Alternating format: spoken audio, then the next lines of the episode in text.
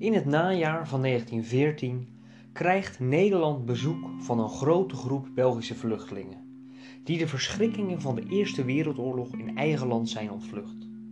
Ook de Noordwijkse gemeenschap komt zo in aanraking met de gevolgen van de Europese oorlog. De grote stroom Belgische vluchtelingen naar Nederland en ook naar Noordwijk komt pas in oktober 1914 op gang. Als de Duitsers tijdens hun offensief de stad Antwerpen naderen, vluchten veel Belgen naar Nederland. Daar hopen zij veilig te zijn voor de verschrikkingen van de oorlog. Op 6 oktober schat het stadbestuur van Antwerpen de situatie zo gevaarlijk in dat het haar burgers adviseert om huis en haard te verlaten. Het advies wordt massaal opgevolgd en meer dan de helft van de stad slaat op de vlucht. Dat het een juist advies blijkt, laat het Duitse bombardement een dag later zien. Er vallen toch nog veel slachtoffers en vele huizen worden verwoest. Op 9 oktober is de stad grotendeels verlaten. Van de 400.000 inwoners zijn er nog maar 10.000 over. Zij zoeken een veilig heenkomen in het noorden. Naar schatting komen er ongeveer 1 miljoen Belgen de Nederlandse grens over. Op een bevolking van 6,3 miljoen Nederlanders is dat een enorme toename. Een eerste belang van de Nederlandse overheid is om de vluchtelingen over het land te verspreiden. Deze mensen moeten namelijk behoorlijk gehuisvest en gevoed worden, maar veel belangrijker is het militaire aspect. De vluchtelingen die zich voornamelijk in de grensgebieden in Zeeland, Brabant en Limburg ophouden, hinderen de Nederlandse militairen bij het bewaken van de grens en het uitvoeren van hun taken. Bij de eerste opvang raken geleidelijk aan alle Nederlandse gemeenten betrokken. Ook in de Duin- en Bollenstreek nemen de gemeenten vluchtelingen op. Op 8 oktober 1914 ontvangt de commissaris van de Koningin van Zuid-Holland een telegram van premier Kort van der Linden. Hij schrijft: Wil onverwijld nagaan welke openbare handels of andere gebouwen in uw gewest kunnen worden gebezigd voor tijdelijke onderbrenging Belgische vluchtelingen. Stop. Kostenonderbrenging voor rijksrekening. Stop. Acht gewenst dat rustige elementen zoveel mogelijk ter plaatse worden geholpen. Stop. Ik beraam intussen maatregelen om gelegenheid onderbrenging minder gewenste elementen in kampen uit te breiden. Veel particulieren bieden hulp en steun aan de Belgische buren. Burgercomité's schieten in Nederland als paddenstoelen uit de grond. Aan het begin is het enthousiasme om steun te verlenen groot. Naarmate de oorlog vordert, neemt deze steun echter steeds verder af. In Noordwijk wordt begin oktober door de maatschappij tot het nut van het algemeen, in de volksmond ook wel het nut geheten, een eerste initiatief gedaan voor het oprichten van een comité met het doel Belgische vluchtelingen op te vangen. Doel is het bieden van onderdak en het verstrekken van voeding en kleding voorzien aan deze vluchtelingen. Het bestuur van het departement Noordwijk van het Nut trekt zich het lot van de Belgen enorm aan. Mejuffrouw Brunings, mevrouw Duister en mevrouw Zwart willen hulp bieden waar het kan. Gerard Duister, kruidenier en de man van mevrouw Duister, biedt geheel belangeloos zijn woning in Noordwijk aan Zee aan. Vermoedelijk gaat het hier om de bovenwoning van zijn winkel, de Punt, in 1912 ontworpen door architect Hendrik Jesse. Maar dit is niet het enige Noordwijkse initiatief.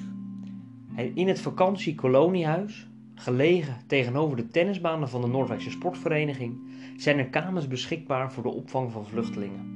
Dit tehuis van het Centraal Genootschap voor Kinderherstellings- en Vakantiekolonies is normaal gesproken bedoeld om bleekneusjes op te vangen. Op 9 oktober 1914 nemen echter 46 Belgen via Leiden hun intrek in het tehuis. In de nacht van 10 op 11 oktober 1914 arriveert de grootste stroom vluchtelingen in de badplaats. Onder persoonlijke begeleiding van banketbakker van de Werf, aannemer De Vrede kleermaker van Zelst komen er 108 Belgen via Leiden naar Noordwijk. Voor hen is er plaats in het pas geopende Sint-Jeroensgesticht, waar ruim 80 bedden klaarstaan. In de dagen die volgen zijn er nog meer Belgen die hun toevlucht zoeken in de badplaats. Burgemeester van Panhuis beseft de wenselijkheid om alle organisaties die zich bezighouden met de hulp aan vluchtelingen samen te voegen tot één sterke organisatie. Op die manier zal de communicatie beter verlopen en is het makkelijker de werkzaamheden te coördineren. Het Centraal Comité voor de Belgische Vluchtelingen Noordwijk ziet het licht. Burgemeester van Panhuis wordt voorzitter. Vanuit de gemeente nemen ook Egbert de Groot en gemeenteklerk Ime Elzinga deel aan het comité. Zij houden nauwkeurig de administratie bij. Met betrekking tot de vele comité's die in Nederland ontstaan, is het een interessant gegeven dat veel bestuursleden vanuit de lokale verenigingen van vreemdelingenverkeer zitting in de comité's nemen. De gedachte hierachter is heel simpel. Zij hebben ervaring en zijn deskundig op het gebied van het onderdak bieden aan vreemdelingen. Ook in Noordwijk is dit het geval.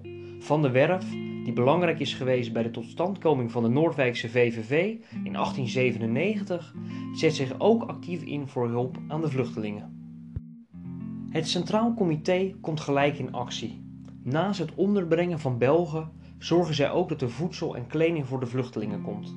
Om dit te bekostigen houdt het comité collectes. Op 16 oktober 1914 wordt een intekenlijst rondgestuurd in Noordwijk.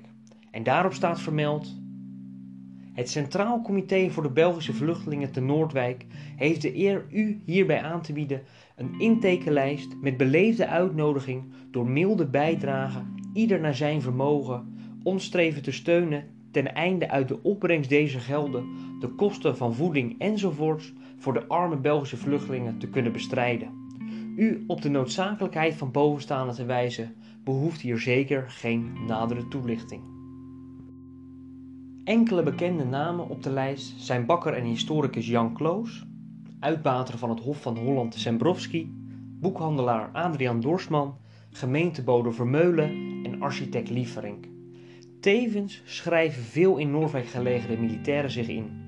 Zo bekommert de gehele gemeenschap zich om het lot van de arme Belgische vluchtelingen. Burgemeester van Panhuis doet zelfs twee keer een duit in het zakje. Beide keren doneert hij 10 gulden, in die tijd een aanzienlijk bedrag. Daarnaast plaatst het comité ook diverse advertenties in de kranten met een boodschap aan de Noordwijkse bevolking. Er wordt vermeld: Het comité tot hulp aan vluchtelingen waarderende de goede bedoelingen van vele ingezetenen om aan de vluchtelingen versnaperingen hier als anderszins aan te bieden, richt het dringend verzoek tot de ingezetenen van Noordwijk onder geen omstandigheden bier of sterke drank aan de vluchtelingen te verstrekken. De Nederlandse overheid maakt een onderscheid bij de opvang van de Belgen. Aan de ene kant zijn er de minder gesitueerden. Zij bezitten niet genoeg geld om in hun eigen onderhoud te voorzien en zullen gedurende de oorlog op de steun van de Nederlandse overheid moeten rekenen. Daar er onder hen veel gespuis zit, wordt besloten dit type vluchteling op te nemen in de zogenaamde vluchtelingenkampen of de vluchtkampen. In Nunspeet, Ede en Ude komen er permanente vluchtelingenorden, waar ongeveer 20.000 Belgen gedurende de oorlog verblijven. Aan de andere kant zijn er ook welgestelde vluchtelingen. Deze zogenaamde vrije Belgen huren of kopen woonruimte. Of zij verblijven bij particulieren, vrienden en kennissen. In Villa Blonde Duinen verblijven 12 Belgen. Ook in andere Noorwijkse villa's komen er vluchtelingen die wat meer te besteden hebben. Een voordeel is dat de villa's voornamelijk in de zomer gebruikt worden als vakantieverblijf en in de winter staat het merendeel leeg. Een artikel in de lokale krant meldt Enige villa's te Noordwijk aan Zee zijn de laatste dagen betrokken door goede Belgische families, waarvan allen met personeel, sommigen zelfs met hun auto, arriveerden. Na de overgave van Antwerpen aan de Duitse troepen op 10 oktober 1914 vindt het stadsbestuur van Antwerpen in samenspraak met de Duitse autoriteiten dat het tijd is om de Belgische vluchtelingen op te roepen weer naar huis terug te keren. Antwerpen is dan wel bezet door de Duitsers, maar het is er volgens hen veilig. Het Antwerpse gemeentebestuur heeft er alle belang bij dat de stad weer bewoond wordt. Ook de Nederlandse overheid vindt het tijd worden dat de Belgen weer naar huis gaan. En premier Kort van der Linden dringt aan op een zachte drang. Willen de vluchtelingen echter niet naar huis, dan volgt voor de minder gegoede vluchtelingen en de ongewenste elementen, hieronder criminelen en oplichters, een kamp of toevluchtsoord. Aan de hand van een briefwisseling tussen de commissaris van de koningin en burgemeester van Panhuis blijkt dat in Noordwijk geen gevaarlijke elementen verblijven. Er zijn veel plaatselijke hulpcomité's die niet weten wat ze de vluchtelingen moeten adviseren. Moeten zij terug naar België met het gevaar dat het er helemaal niet zo veilig is als wordt voorgesteld? Of is het beter ze naar een, van de vluchtelingenorden te sturen, met de kans dat zij in een armoedige situatie terechtkomen? Er worden diverse afvaardigingen naar België gestuurd om te kijken hoe de situatie daar is. In de Noordwijker van 28 oktober 1914 doet een Noordwijkse man verslag van zo'n reis naar Antwerpen. Hij geeft aan dat de situatie in de stad gunstig te noemen is. Iedereen mag de stad in en uit en ook de cafés en winkels gaan langzaam weer open. Hierop vertrekken ook twee Belgen uit Noordwijk om een kijkje te nemen.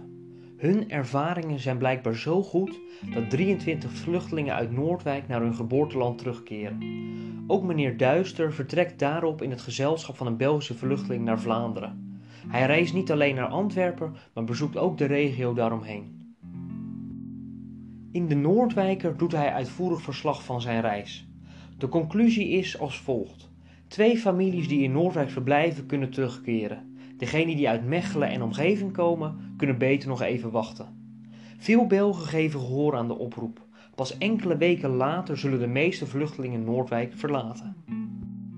Toch zijn er ook enkele Belgen die tot het einde van de oorlog in Noordwijk verblijven. Zo keert de familie Horemans uit Herenthout pas in december 1918, na de oorlog dus, naar België terug.